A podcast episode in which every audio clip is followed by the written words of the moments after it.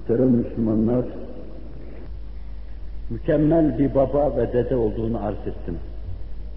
Çocuklarına, torunlarına nasıl baktığını, nasıl nazarlarını ahirete tevcih ettiğini, nasıl onlar için her şeye katlandığını ve sonra bir aile reisi olarak bir anda nikahının altında bulunan dokuz kadını nasıl idare ettiğini, onları peygamberliğin kendisine verdiği, kazandırdığı azameti ihtişam içinde ezmeden, onuru ederek, Allah'ın onlara tanıdığı hakkı ve şeref onlara vererek, kadını kendinden evvel düştüğü çukurdan çıkararak, elci kemale çıkarmakla beraber nasıl o kadınları idare ettiği hususunu az dahi olsa arz ettim.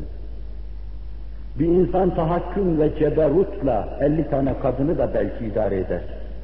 Eline bir sopa alır, sopa kadar da sert bir kısım nizamlarla, mevzuatla karşılarına çıkar, dediklerini onlara yaptırır.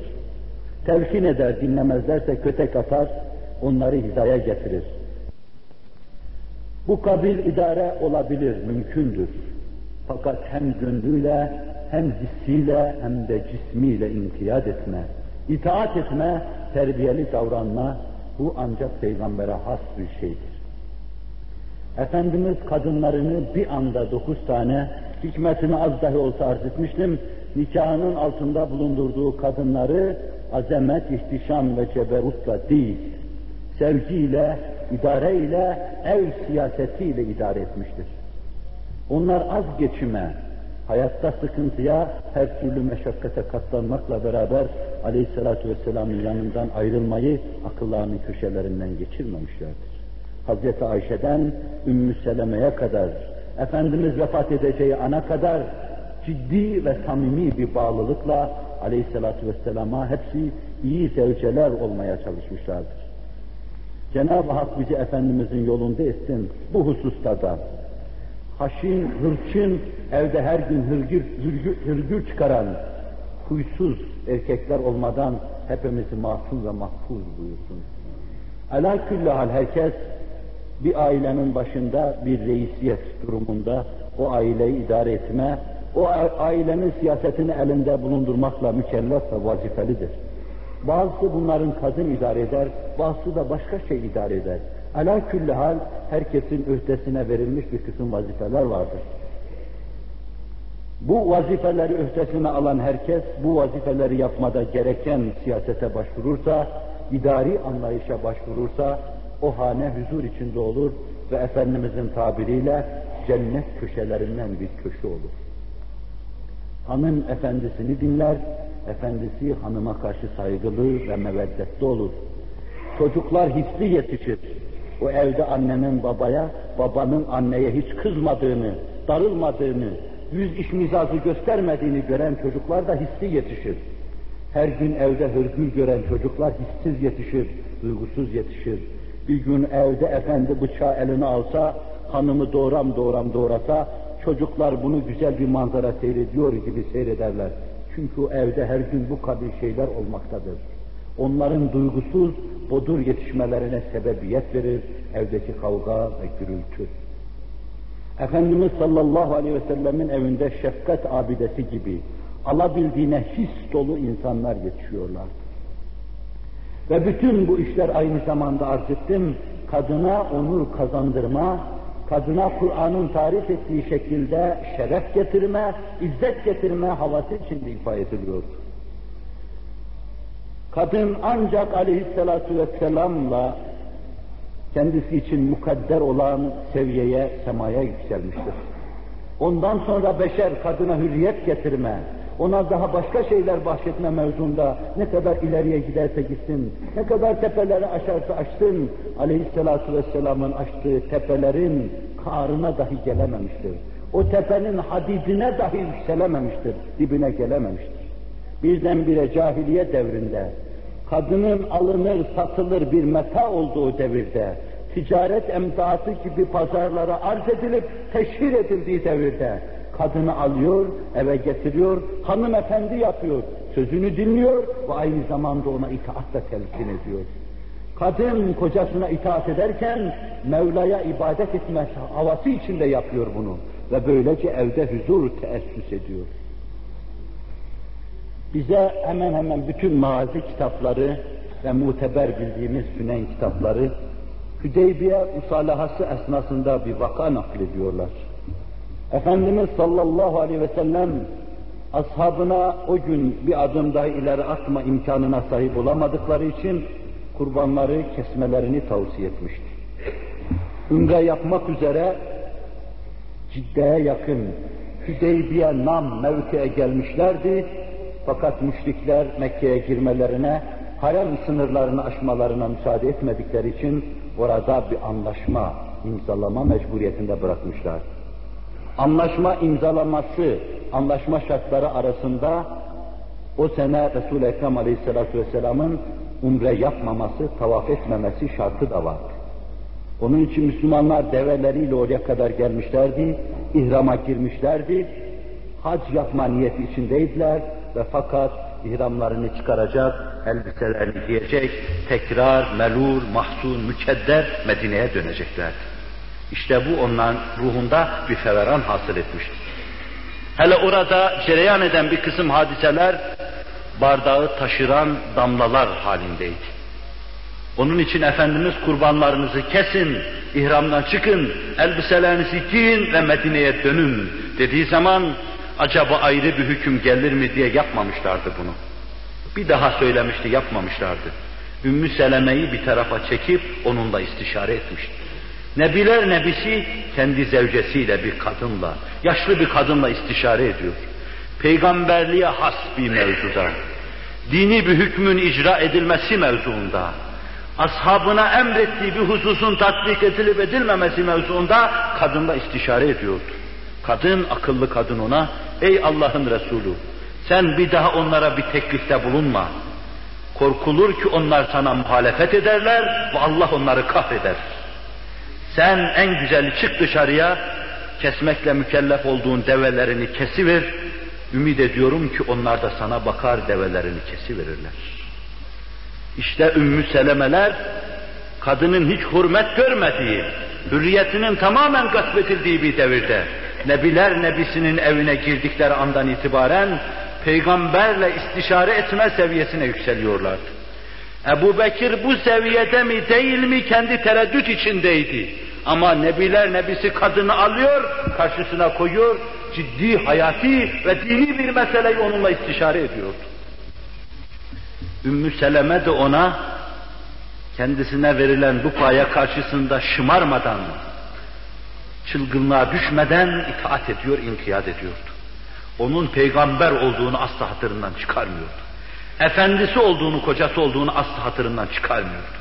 Biliyordu ki bu evde bana şayet çocuk varsa o çocuklara bakmak, yemek yapmak, çamaşır yıkamak, onu dinlemek ve yine onun emriyle Allah'tan başkasına secde edilmesi caiz olsaydı ona secde etmek düşer diye düşünüyordu. Er-ricalu kavvamun alen nisa bima faddalallahu ba'duhum ala ba'd. Allah erkeklerinizi kadınlarınız üzerine tafdil etmiştir. Enerjileri fazladır. Dirayet ve kiyasetleri fazladır. Dayanıklıkları fazladır. Onun için erkeğe ait dış işleri erkeğe tahmil etmiş, ona riyaset vermiştir. Kadındaki eksiklik, erkekteki fazlalık, artı eksi gibi bir araya gelmiş, bir bütünün iki ucu olmuştur.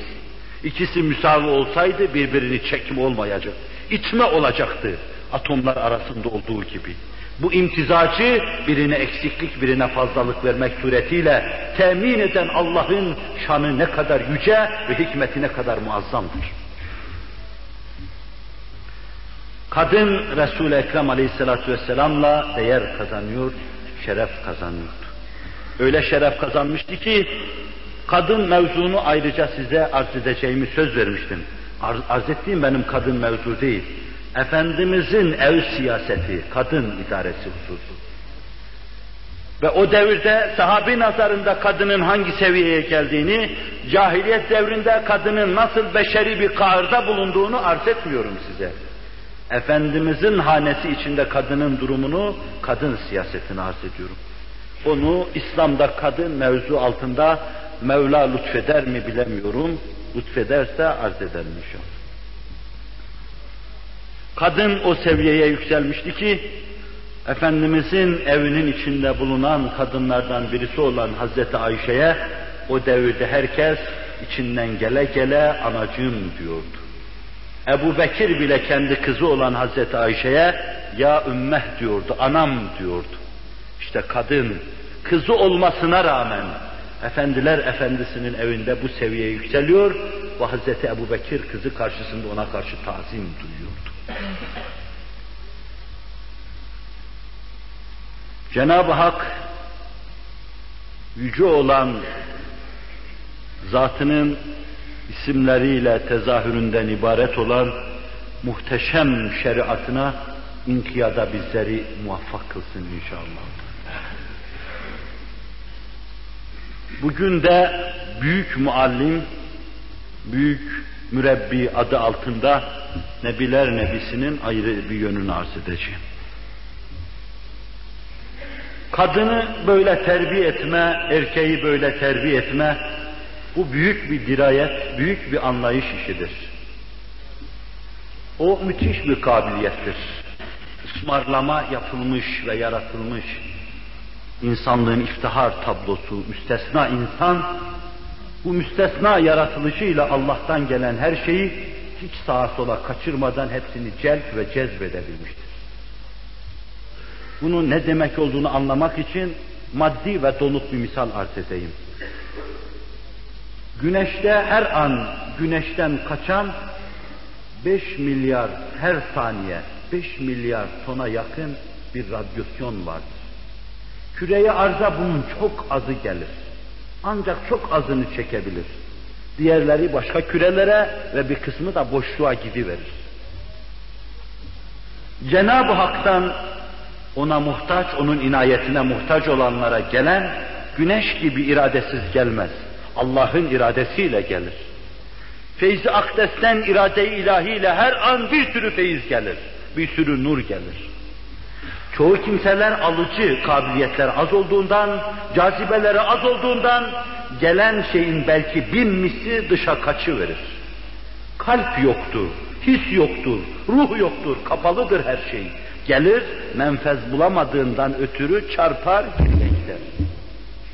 Allah'tan her an onun muhabbetinin, marifetinin ve meveddetinin sahili bulunan, o deryanın sahili bulunan insan kalbine mevceler birbirini takip eder, gider, gelir. Allah'ın tecellisinin basıncı altında tabirlerden dolayı Mevla beni muahaze etmesin. Tecellisinin basıncı altında her an çok müthiş medler olur. Denizler kabarı verir, insanın kalbine gelir ve sonra bir cezirle çekili verir. Cemali bir tecelli, celali bir tecelli ve insanın bunlara liyakat göstermesi. Bütün bu hareketler, bütün bu ameliyeler içinde Nebiler Nebisi'nin durumu çok müstesnadır. O Allah'tan gelen ister feyzi akdes, isterse feyzi mukaddes, hiçbir şeyi dışa kaçırmadan hepsini kendi mahiyeti muallasında cem edecek kadar müthiş bir cazibeye, fevkalade bir camiyete sahiptir. Allah'tan gelen hiçbir tecelli adeta dışa gitmez. Her şey gelir, makes bulur, mahbit bulur ve Resul-i Ekrem Aleyhisselatü Vesselam'ın manevi yapısı, hüviyeti ulviyesinde adeta bir şey gibi, yapıcı taşlar gibi, kerpiçler gibi yerini bulur, yerleşir. O kâmeti bağlaya yeni yeni şeyler kadar. Müstesna kabiliyet, talim ve terbiyede de müstesnadır. Eşi menendi yoktur onun. Allah beşeri irşad etmek üzere onu seçmiş, göndermiştir. Beşer kitaplar okuduğu bir devirde, ilim, fen, sanatta ileri gittiği bir devirde, içtimai anlayışı çok ilerlediği bir devirde, artık devletler de köyler, kasabalar haline gelip, sonra tabakatı beşer devletleri adeta teessüs ettiği bir devirde, bütün beşeri idare edebilecek muhteşem bir muallim ve terbiyeci olarak Hz. Muhammed Aleyhisselatü Vesselam'ı göndermiştir. Artık bundan sonra gelen Nebi bir köy, bir kasaba, bir şehir, bir kabile idare etmeyecek. Hz. Muhammed Aleyhisselatü Vesselam bütün beşeri idare edecek. Onun vaz ettiği esasat her yerde rahatlıkla tatbik edilecek. Her beşer ruhen kendisini ona muhtaç hissedecek. Onun getirdiği prensiplerin terü tazeliği, tazeliğini daima muhafaza edecek, taravetini daima muhafaza edecek ve istimrar edecek. Kur'an bize şöyle diyor. Huvellezî ba'ate fil ummiyyîne rasûlen minhum. O şanı yüce Allah öyle yüce, öyle büyük ki ümmiler olan sizlere kendinizden bir nebi gönderdi. Bizim selefimiz sahabe-i kiram ve tabiini izam onlar ümmilerdi. Yani Yahudi ve Hristiyanlar gibi kitap okumasını bilmezlerdi. Okuma yazma bilirlerdi de Allah'tan kendilerine gelmiş o yakın, Efendimiz'e en yakın cemaata Allah'tan kitap gelmemişti.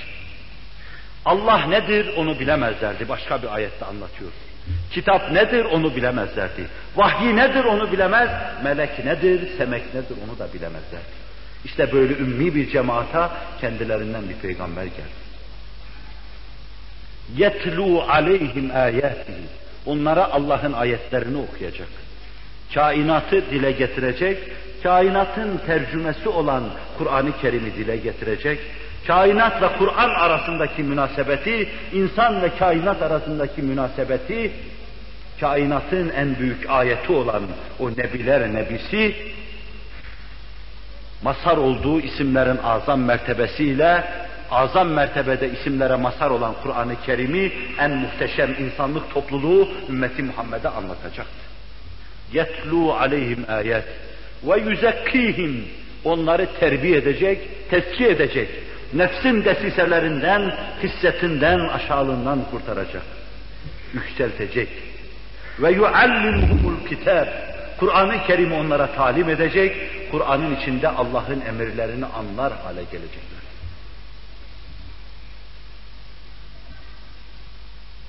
Ve in kanu min qablu lefi dalalin mubin. Halbuki siz şüphesiz ondan evvel ap açık bir dalalet içindeydiniz diyor. Bugün de Kur'an-ı Muhyüsül beyana kulak vermeyen, nebiler nebisini dinlemeyen, vahyi semaviye gönül vermeyen herkes ap açık bir dalalet içindedir ve bunda şüphe yoktur. Nübüvvet vazifesi olarak burada şunu görüyoruz. Bir, Nebi kitabı ve hikmeti talim edecek.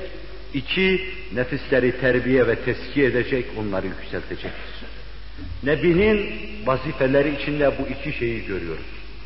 Bu iki şeyin mükemmel yapılması içinde Nebiler Nebisinin vazifesini bir hakkın yaptığını, onun peygamberliğini göreceğiz. Ve kendi kendimize bu meseleleri yapma ve bunlardan ders alma hususunda da inşallahü teala onu mukteda bir kabul edecek, ona iktida edeceğiz.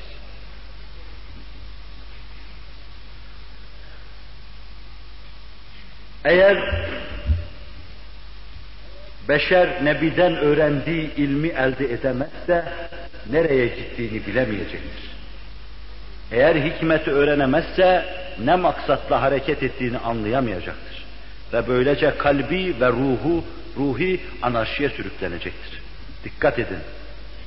Eğer beşer onun getirdiği şeyi öğrenmezse, talimini taallüm etmezse, nereye gittiğini bilemeyecektir. Eğer onun getirdiği hikmete kulak vermezse, neciyim, niçin burada bulunuyorum ve benim akıbetim ne olacak? Sırrına kulak veremezse, beşer başıboş olacak, kalbi ve ruhi anarşiye sevk olunacaktır. Bugün maarif yuvalarında dahi anarşinin baş göstermesi bize Nebi'nin talim ettiği şeye kulak kapamanın neticesinde olduğunu gösteriyor. Nebi'nin getirdiği hikmete kulak asmamanın neticesinde olduğunu gösteriyor. Demek ki esas itibariyle her şey Nebi'nin getirdiği ilme, Nebi'nin getirdiği hikmeti öğrenmeye bağlıdır.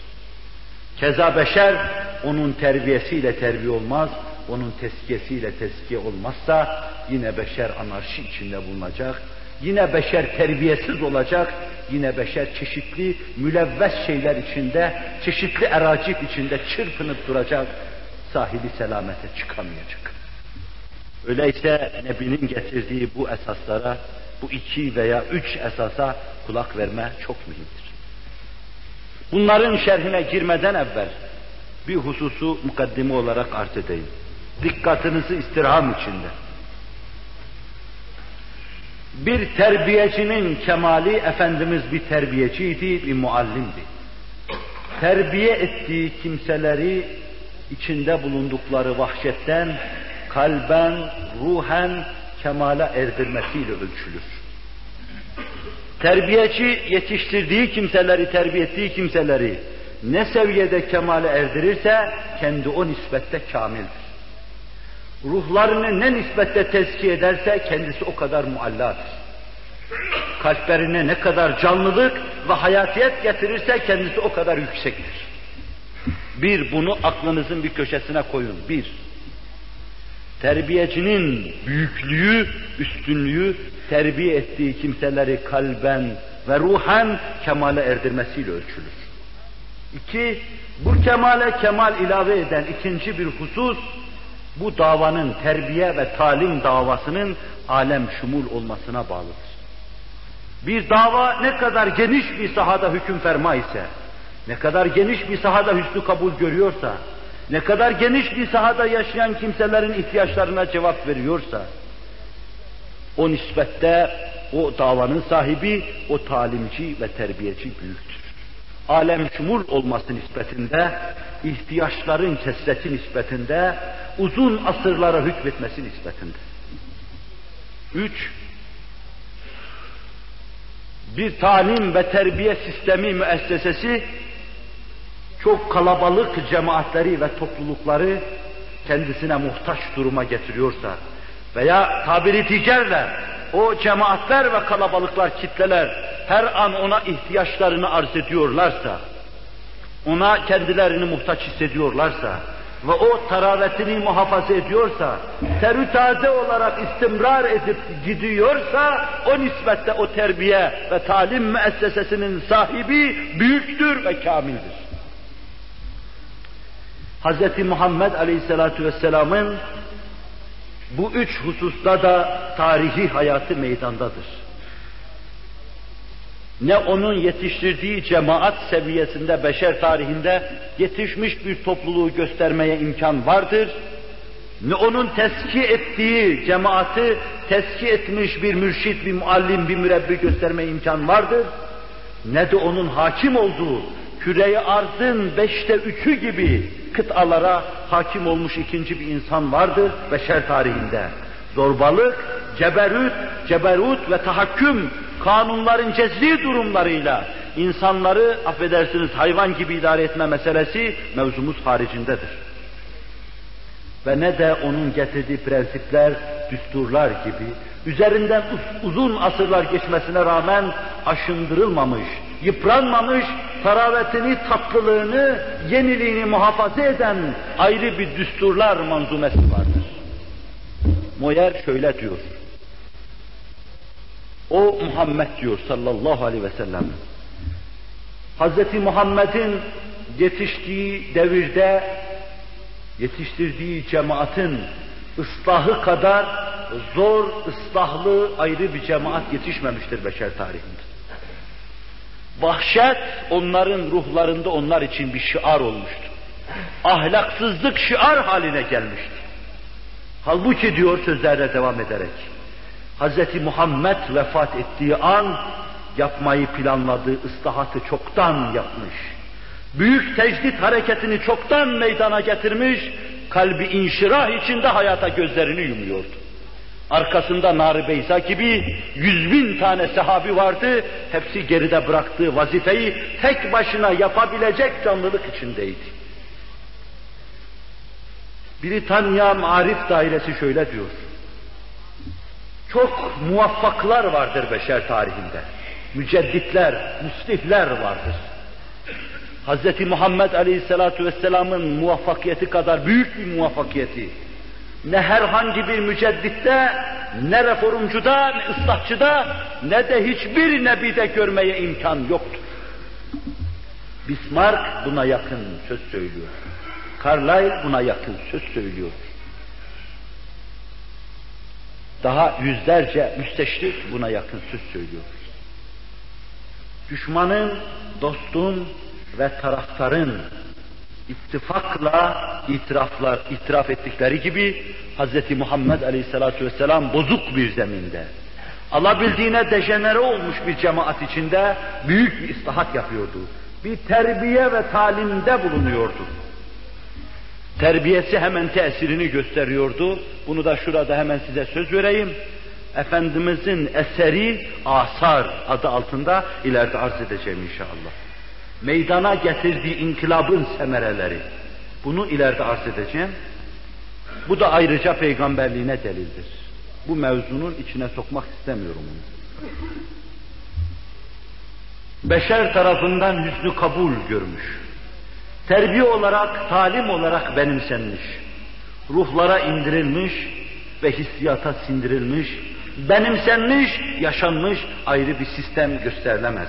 Böylesine ayrı bir muallim, ayrı bir mürebbi arkasından beşerin gittiği, her şeyini kabul ettiği ayrı bir devir de gösterilemez. Düşmanları öyle diyor Resul-i Ekrem Aleyhisselatü Vesselam'ı. Dostları Resul-i Ekrem Aleyhisselatü Vesselam vefat ettiği zaman on binlerin üstündeydi. Yüz bin desinler, doksan bin desinler, yüz on bin desinler. Ama on binlerin üstündeydi. Bu on binlerce geride bıraktığı, terbiye ettiği, talim gösterdiği kimseler, çobanlıktan, vahşetten ve bedeviyetten sıyrılmış, cihan hükümdarlarını dize getirecek, cihanı getirdikleri terbiye ve talim sistemiyle evci kemale çıkaracak, insanlığa muallim olabilecek keyfiyetteydi. İslamiyet'ten evvel Hazreti Ömer, insanlar arasında vahşi bir insandı. O kâmeti balaya, Müslümanlığını mülahaza ederek bu tabiri kullanmak ne kadar çirkin olduğunu herhalde sizin vicdanlarınızda hissediyordur. Ama bununla beraber İslam'ın kendisine kazandırdığı ulviyeti ve üstünlüğü göstermek için diyorum ki İslam'dan evvel insanların içine gömüldükleri büyük bir vahşet içindeydi. İslam'dan evvel Ömer, İslam'dan sonra Ömer. İslam'dan sonra Ömer, Cibril'le omuz omuza Allah'ın huzurunda büyük bir insandı. İbni Mesud bir çobandı. Koyun güdüyordu. Ne boyuyla, bosuyla, edasıyla, endamıyla ağırlık ifade eder bir tarafı vardı, ne sözüyle, sohbetiyle, ne de fikir yapısıyla. Ama Nebiler Nebisi'nin rahleyi tedrisine oturduktan, onun talim ve terbiye, terbiyesiyle talim ve terbiye edildikten sonra Hazreti Ömer'e bir gün o şöyle söylettirecekti. Ömer onu Küfe'ye gönderirken yazdığı namede aynen şöyle diyordu. Küfeliler, beni dilgir edebilecek bir hadise, bir meseleyle karşı karşıyayım. Eğer sizi nefsime tercih etmeseydim, İbni Ümmü Abd'i size göndermezdim. İbni Mesud'u göndermezdim. Benim ona ihtiyacım var. Sizi nefsime tercih ettiğim için bütün sizi talim ve terbiyesin diye size gönderiyorum diyordu.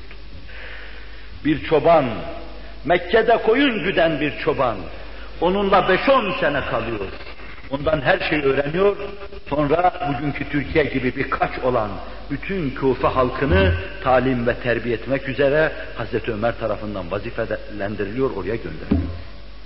Muaz İbni Cebel bir çobandı Medine'de. Genç yaşında Resul-i Ekrem Aleyhisselatü Vesselam'ı tanımış ve çok şey istifade etmişti. Ama Şam'da, Hama'da, Humus'ta, Lazikiye'de dolaşırken, onların mescitlerine girerken, hutbe ve mevizeler irad ederken, fıkıhta, hadiste, tefsirde halka bir şeyler anlatırken, o devrin en yaşlı insanları dahi, dahi kemal tazimle onun karşısına geliyor bu genç insanın karşısında edeple oturuyor ve onun anlattığı şeylere kulak kesiliyor ve dinliyorlar.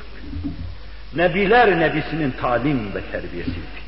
Bir anda en vahşileri, en bedevileri, vahşet ve bedeviyetin hadidinden alıp insanlığın kemaline yükselten şey, büyük mürebbinin, büyük talimcinin talim ve terbiyesinin büyük tesirinin ifadesidir. Biz Hz. Muhammed Aleyhisselatü Vesselam'ın büyüklüğünü takdir edemeyiz. Ama Muaz'ın başını göremeyeceğimiz manevi kâmetine baktığımız zaman bunu yetiştiren kimdir? Hz. Muhammed Aleyhisselatü Vesselam.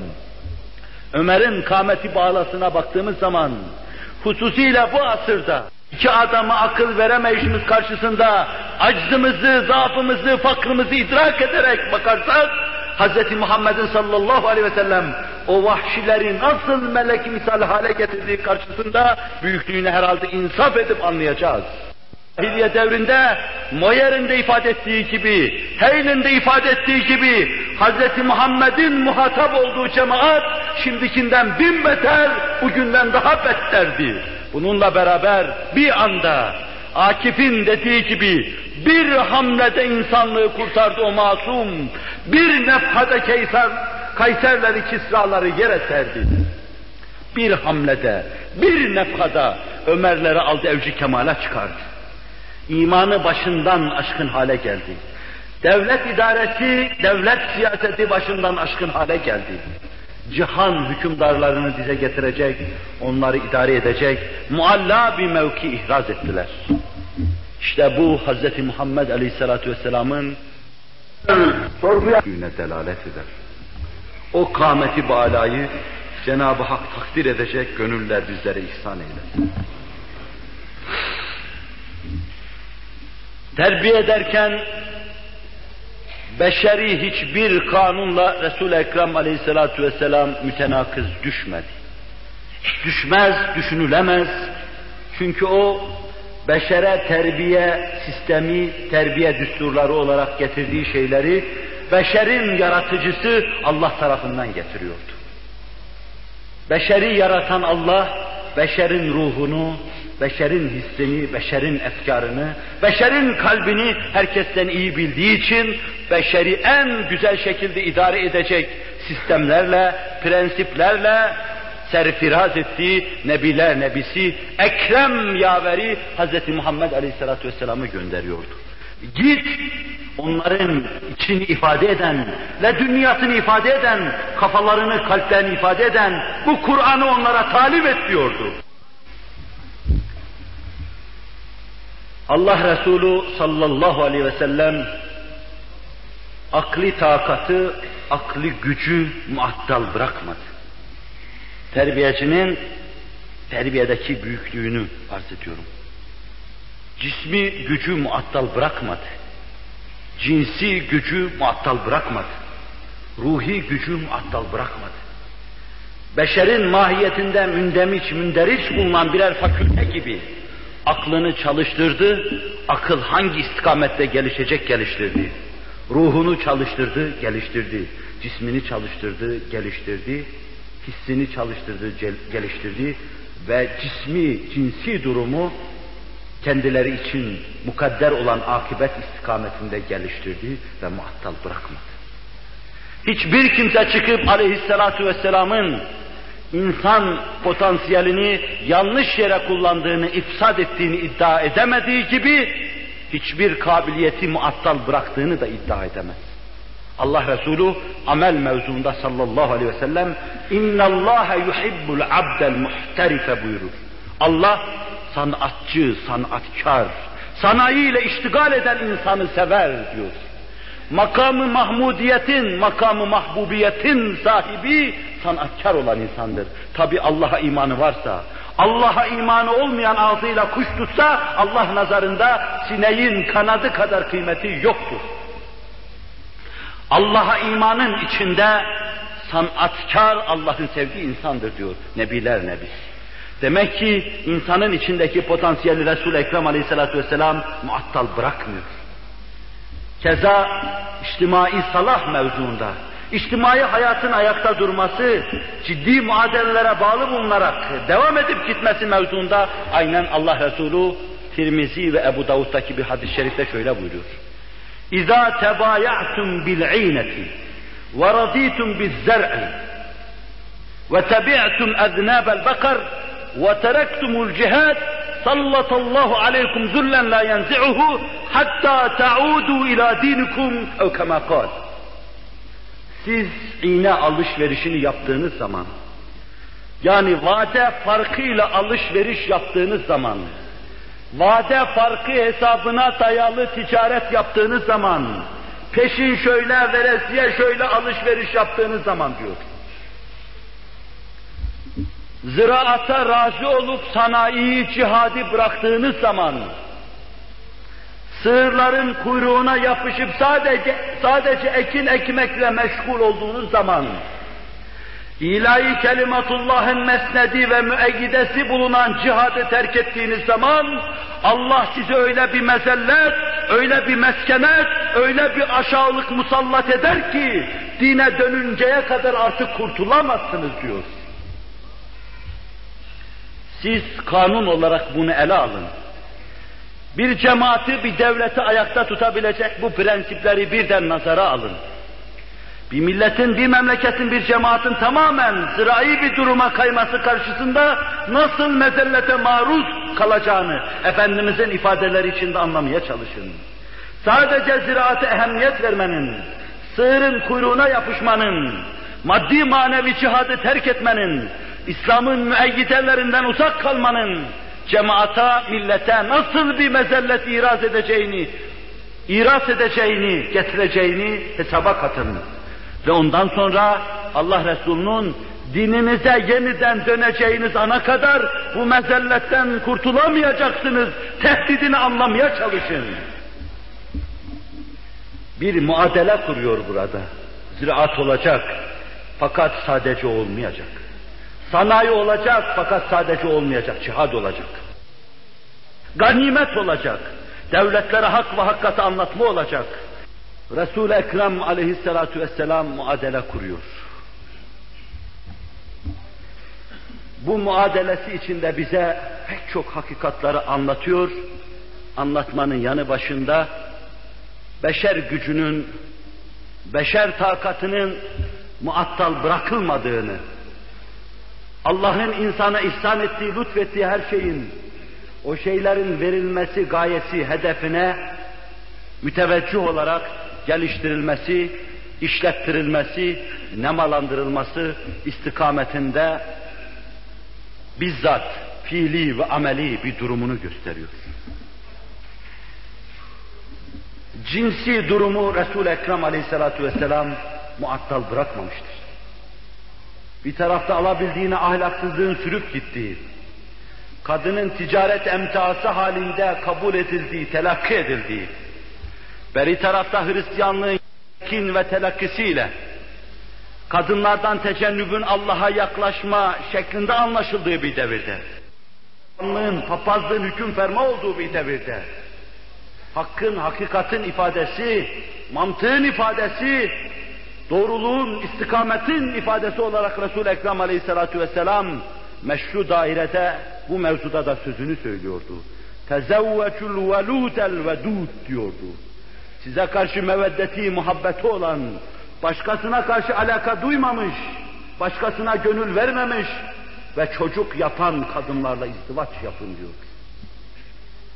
Başka bir hadisiyle ümmetinin çokluğuyla iftihar edeceğini ifade eden Nebiler Nebisi bunun yolu velut kadınlarla izdivaç yapmaktır demek suretiyle ruhbanlık ve papazlıktaki beşeri bu garizeyi muattal bırakmaya karşı çıkıyor. Beri tarafta kadının suistimal edilmesine karşı çıkıyor. Bir muadele kuruyor, sırat-ı müstakimi getiriyor. Evlenecek ve izdivaç yapacaksınız, gayri meşru hayattan kurtulacaksınız diyor beşeri garizenin hangi istikamette geliştirilmesi yolunu gösteriyor. Cismi kuvvetinden, pazundaki kuvvetinden, fikrindeki kuvvetinden, kolundaki kuvvetinden dolayı seni kınamıyor. Manastıra çekilecek, riyazet yapacak, hilal hayal olacaksın demiyor. Tekkeye, zaviyeye kapanacak, hilal hayal olacaksın demiyor. Mu'minul kaviyyu hayrun ve ahabbu indallahi minel mu'minid zayıf diyor. Allah indinde güçlü, kuvvetli mümin, zayıf, kelimsiz müminden daha hayırlı, daha sevgilidir diyor Nebiler Nebisi sallallahu aleyhi ve sellem. Sıhhatına dikkat edeceksin gerekli olduğu kadar vücuduna protein alacaksın, vitamin alacaksın, abur cubur yemeyeceksin, hayatını gafletle geçirmeyeceksin ama zayıfta düşmeyeceksin, kelimsizde düşmeyeceksin demek suretiyle cismani durumun dahi hedefini gösteriyor ve tayin ediyor. İnsandaki bu kabiliyeti muattal bırakmıyor sallallahu aleyhi ve sellem. İlmi durumunu muattal bırakmıyor. El ilmu faridatun ala kulli muslimin ve muslimetin diyor. İlim her kadın ve erkeğe farzdır diyor. Dininin emirlerini yapmayı, yapmak için şart olan ilmi öğrenmek herkes için farz-ı ayındır. Allah'ı bilecek kadar, Resulullah'ı bilecek kadar, ahireti bilecek kadar, hasımlarına ispat edecek kadar herkesin Allah'ı, Resulullah'ı ve ahireti bilmesi farz-ı ayındır. Namaz kılacak kadar, oruç tutacak kadar, zekat verecek kadar, hacca gidecek kadar, haccın menasikini yapacak kadar herkesin bu fıkhi meseleleri bilmesi yine farz-ı ayındır. Hayat-ı içtimaiyede bir kısmının yapmasıyla diğerlerinden sakit olan, tebabet gibi, hıfzı sıha gibi, aile terbiyesi gibi, çocuk bakımı gibi vesaire gibi şeyleri kadının ve erkeğin öğrenmesi de farz-ı kifayedir. Bir kısım kimseler bunu yaparsa diğerlerinden sakıt olur. Farzdır diyor Nebiler Nebisi sallallahu aleyhi ve sellem. Tefekkürün önünü almıyor, insandaki düşünme kabiliyetini muattal bırakmıyor. Tefekkürü saatin hayrun min ibadeti senetin diyor. Bir saat düşünme, bir an düşünme, bir sene ibadet kadar hayırlıdır diyor Nebiler Nebisi sallallahu aleyhi ve sellem cismaniyetinden cinsi durumuna kadar, ondan fikri yapısına kadar Allah'ın yarattığı bütün melekeleri yaratılma gayesi istikametinde Nebiler Nebisi'nin çalıştırdığını görüyoruz. İnsanın maddi gücü, şahsi ameli, içtimai muvazene ve muadelesinden alın da insanın tefekkürüne kadar her şeyin kamçılandığını, matluf ve maksud olan hedefe ve istikamete doğru sevk edildiğini göreceksiniz Nebiler Nebisi'nde. İşte bu büyük terbiyecide, büyük talimcide beşeri bilmenin, onların kabiliyetlerine nüfuz etmenin, kabiliyetleri istikametinde bir kısım şeyler telkin etmenin ifadesidir ki, onun peygamberliğine delalet eder. Cenab-ı Hak bizi onu kendi kâmeti kıymetine uygun, büyüklüğü içinde kavramaya muvaffak kılsın. Bu hususta ameli ve müşahhas hepsine ait misalleri arz etmeye ezan-ı Muhammed'e okundu. Vakit müsait değil, bir iki misal arz edip iktifa edeceğim. Nese'yi Hazreti Ayşe tarikiyle bize şunu naklediyor. Bir delikanlı kız Resul-i Ekrem Aleyhisselatü Vesselam'ın huzuruna geldi. Çeşitli şeyler anlayacaksınız bundan. Ya Resulallah babam beni istemediğim bir erkekle evlenmeye zorladı. Allah Resulü babasını derdest çağırdı oraya. Niçin kızını tasdik ettin? İstemediği bir erkekle evlenmeye zorladın. Sen istem, onun istemediği bir kimseyle onu cebren evlendiremezsin.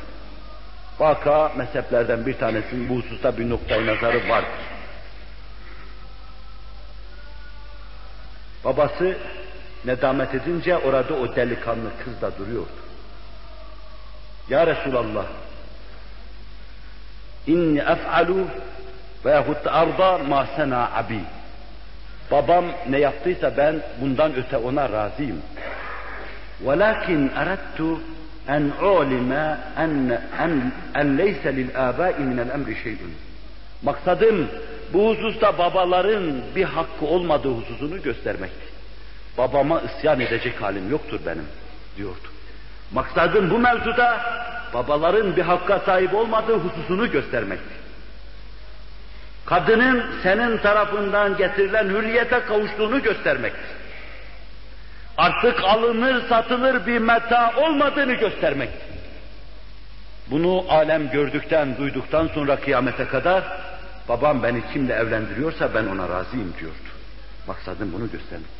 Nebiler nebisinin huzurunda kadın, kadınlık garizesiyle, erkek erkeklik garizesiyle, kadın kadınlık düşüncesiyle, erkek erkeklik düşüncesiyle bu seviyeye yükselmişti.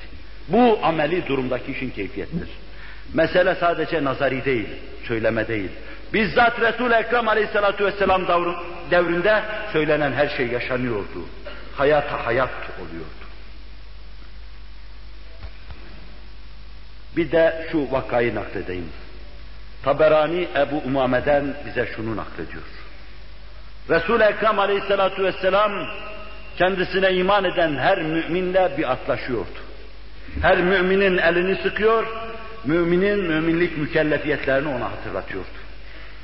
Yani la ilahe illallah diyeceksiniz. Muhammedur Resulullah diyeceksiniz. İslam'ı kendi onurunuzu koruduğunuz kadar koruyacaksınız. Beni kendi şerefiniz kadar aziz tutacaksınız. Ailenizin namusu haysiyetini müdafaa muhafaza hususunda gösterdiğiniz hassasiyet kadar dinin namusunu korumada hassasiyet göstereceksiniz. Ellerini sıkıyor, söz alıyordu onlardan.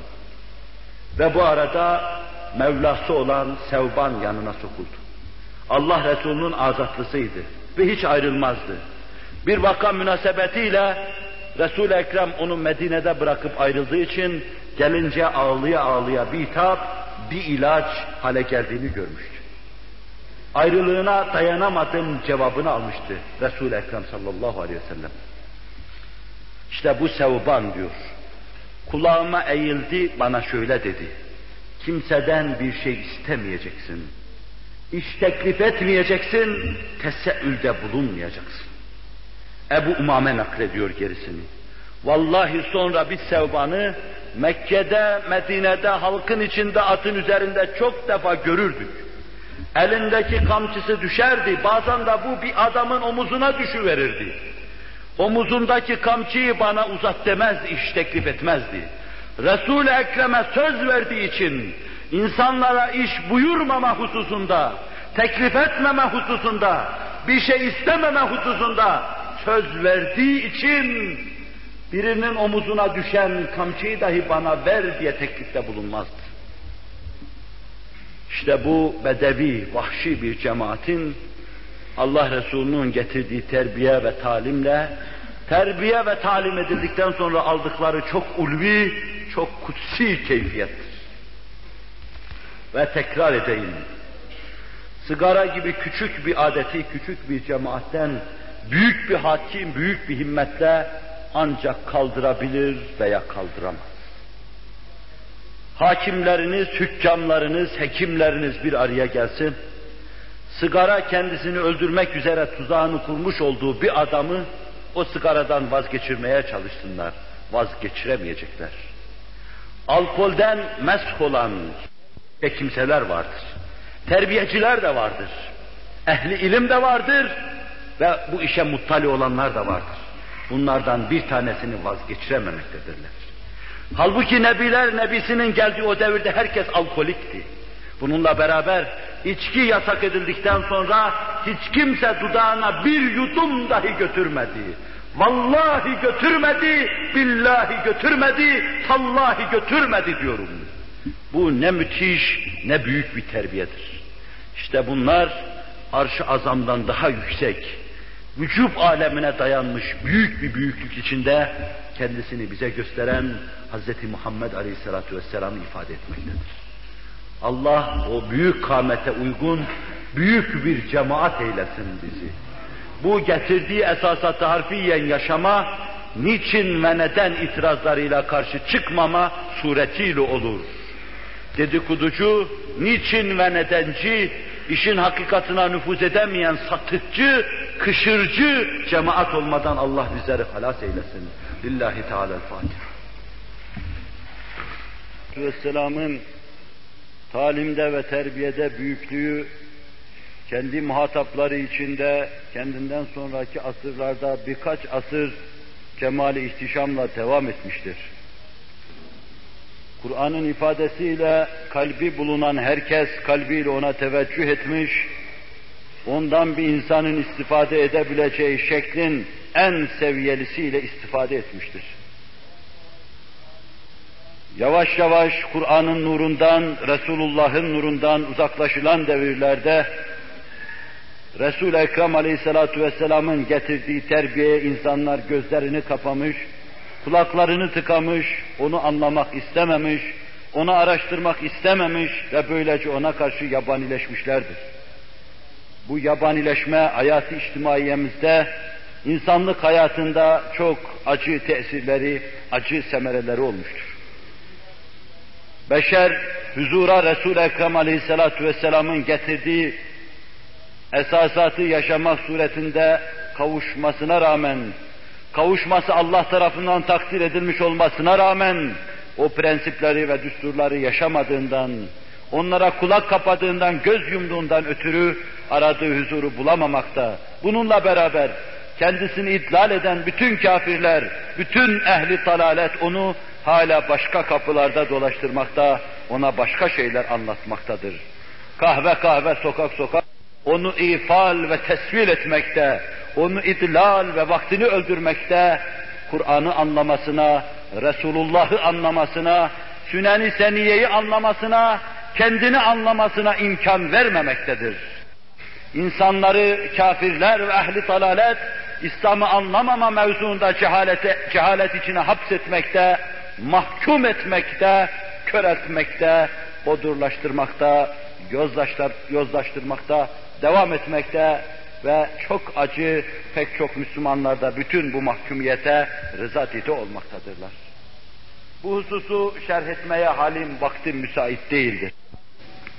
Bir ve ikinci asırda, üçüncü, dördüncü asırda o asrın mümini Femü Güher-i Nebevisinden lalü güher gibi dökülen, Nebiler Nebisinin her sözüne kulak kaldırıyor, kulak kabartıyor, sinesini açıyor, bütün varlığıyla, benliğiyle teveccüh ediyor, alıyor ve yaşıyordu.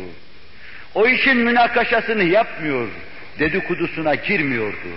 Aklını ve bütün melekelerini, nebiler nebisini tanımaya sarf ediyordu. Kainattaki tarrakalar içinde Allah'ın mevcudiyetini araştırıyor, ona inanmaya çalışıyordu. Kaderin esrarını kainatın büyük hatları arasında araştırmaya çalışıyor. İman erkanı sırrına aklıyla ulaşmaya çalışıyordu. Artık bu mevzuda tam selahiyetli hale geldikten sonra sonra yine köleliğini, abd olduğunu, esir ve bende bulunduğunu idrak ederek Nebiler Nebisinin karşısında tasmalı hale geliyordu.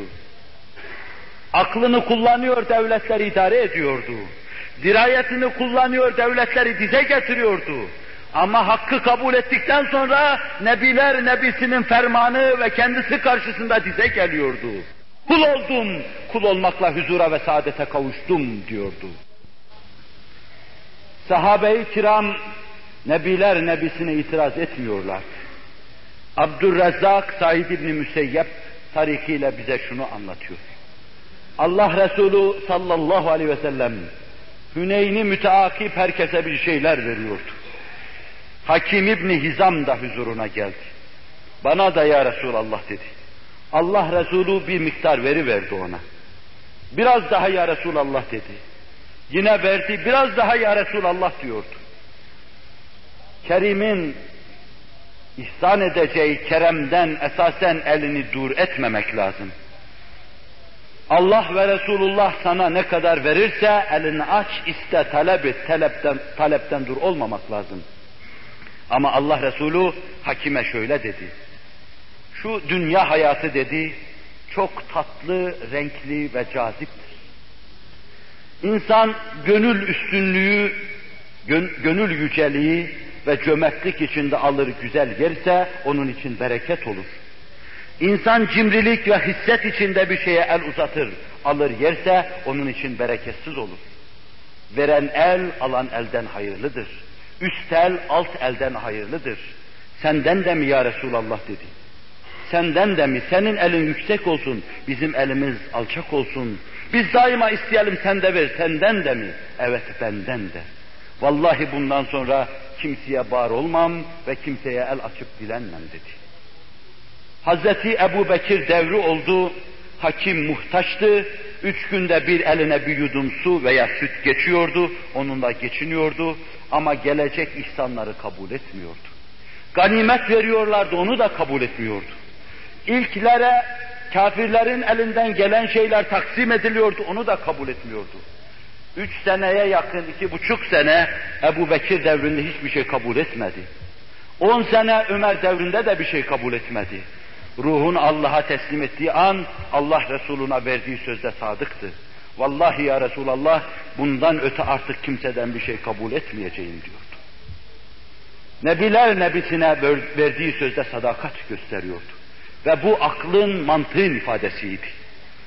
Allah'ın hendesesine göre yapılmış kainatta Nebinin talimine uymak, Allah'ın hendesesine uymak demekti.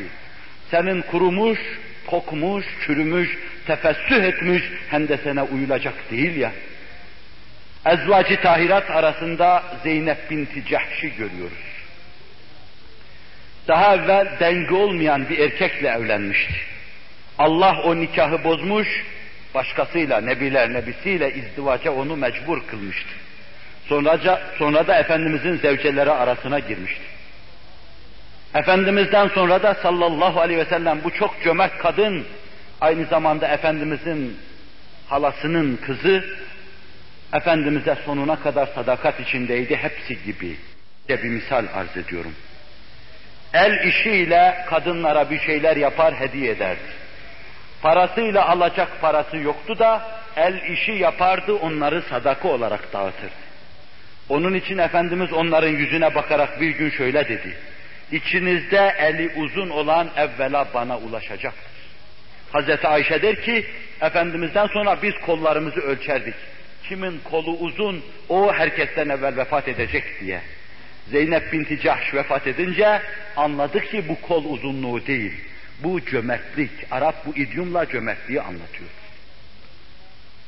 Hazreti Ömer kendi devrinde Zeynep'e bütün ezvacı tahiratına ayırdığı ganimetten ganimet gönderdi. Ganimeti önünde gören Zeynep hıçkıra hıçkıra ağladı. Bu da mı bana gelecekti? Resul-i Ekrem Aleyhisselatü Vesselam'dan sonra o devirde aylar, günler, haftalar geçerdi de biz bir şey yemezdik. Dünyaya mı dalacağız? Ahireti mi unutacağız? Allah'a göz mü yumacağız? Kalplerimizi başka tarafa mı tevcih edeceğiz? Ve ondan sonra aklı başına gelmiş gibi birdenbire bir şeyi kavramış gibi kıbleye teveccüh etti ve ellerini kaldırdı. Allah'ım bundan sonra bana Ömer'in ihsanını artık gösterme. Emanetini al ve beni bundan kurtar diyordu. Aradan birkaç ay geçmemişti. Zeynep duasında istediği şeye ulaşıvermişti. Allah ruhunu kabzetmiş, meleği alanın sakinleri arasına alıvermişti. Resul-i Ekrem aleyhissalatu vesselam devrinde yaşanan hayat, söylenen sözler, fikir olarak ortaya konan düsturlar ve prensipler, itirazsız, niçin ve nedenini sormadan, fikrini, mantığını gerçekte kullanan müminler tarafından harfiyen kabul ediliyordu. Nebiler nebisini anladığın, Kur'an'ı tanıdığın, Allah'a içten gönül verdiğin andan itibaren gerçek saadet ve huzura giden yola girmiş olacaksın. Başkaları için olmasa bile bu senin için mukadder ve müyesserdir.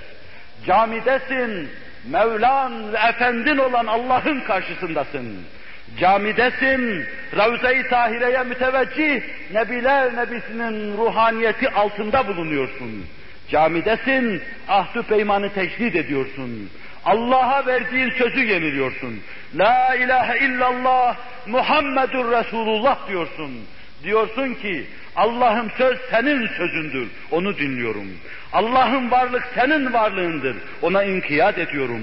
Allah'ın ifade ve hikmet senin ifaden ve hikmetindir. Ona bel bağlıyor, boyun büküyorum. Allah'ın muktedabı senin Habibi edibindir. Ona iktida ediyorum, arkasında duruyorum. Söylediğin bu cümleyle sen bunları söylüyor ve bunları yeniliyorsun burada. Ahdü peymanını tecdid ediyorsun.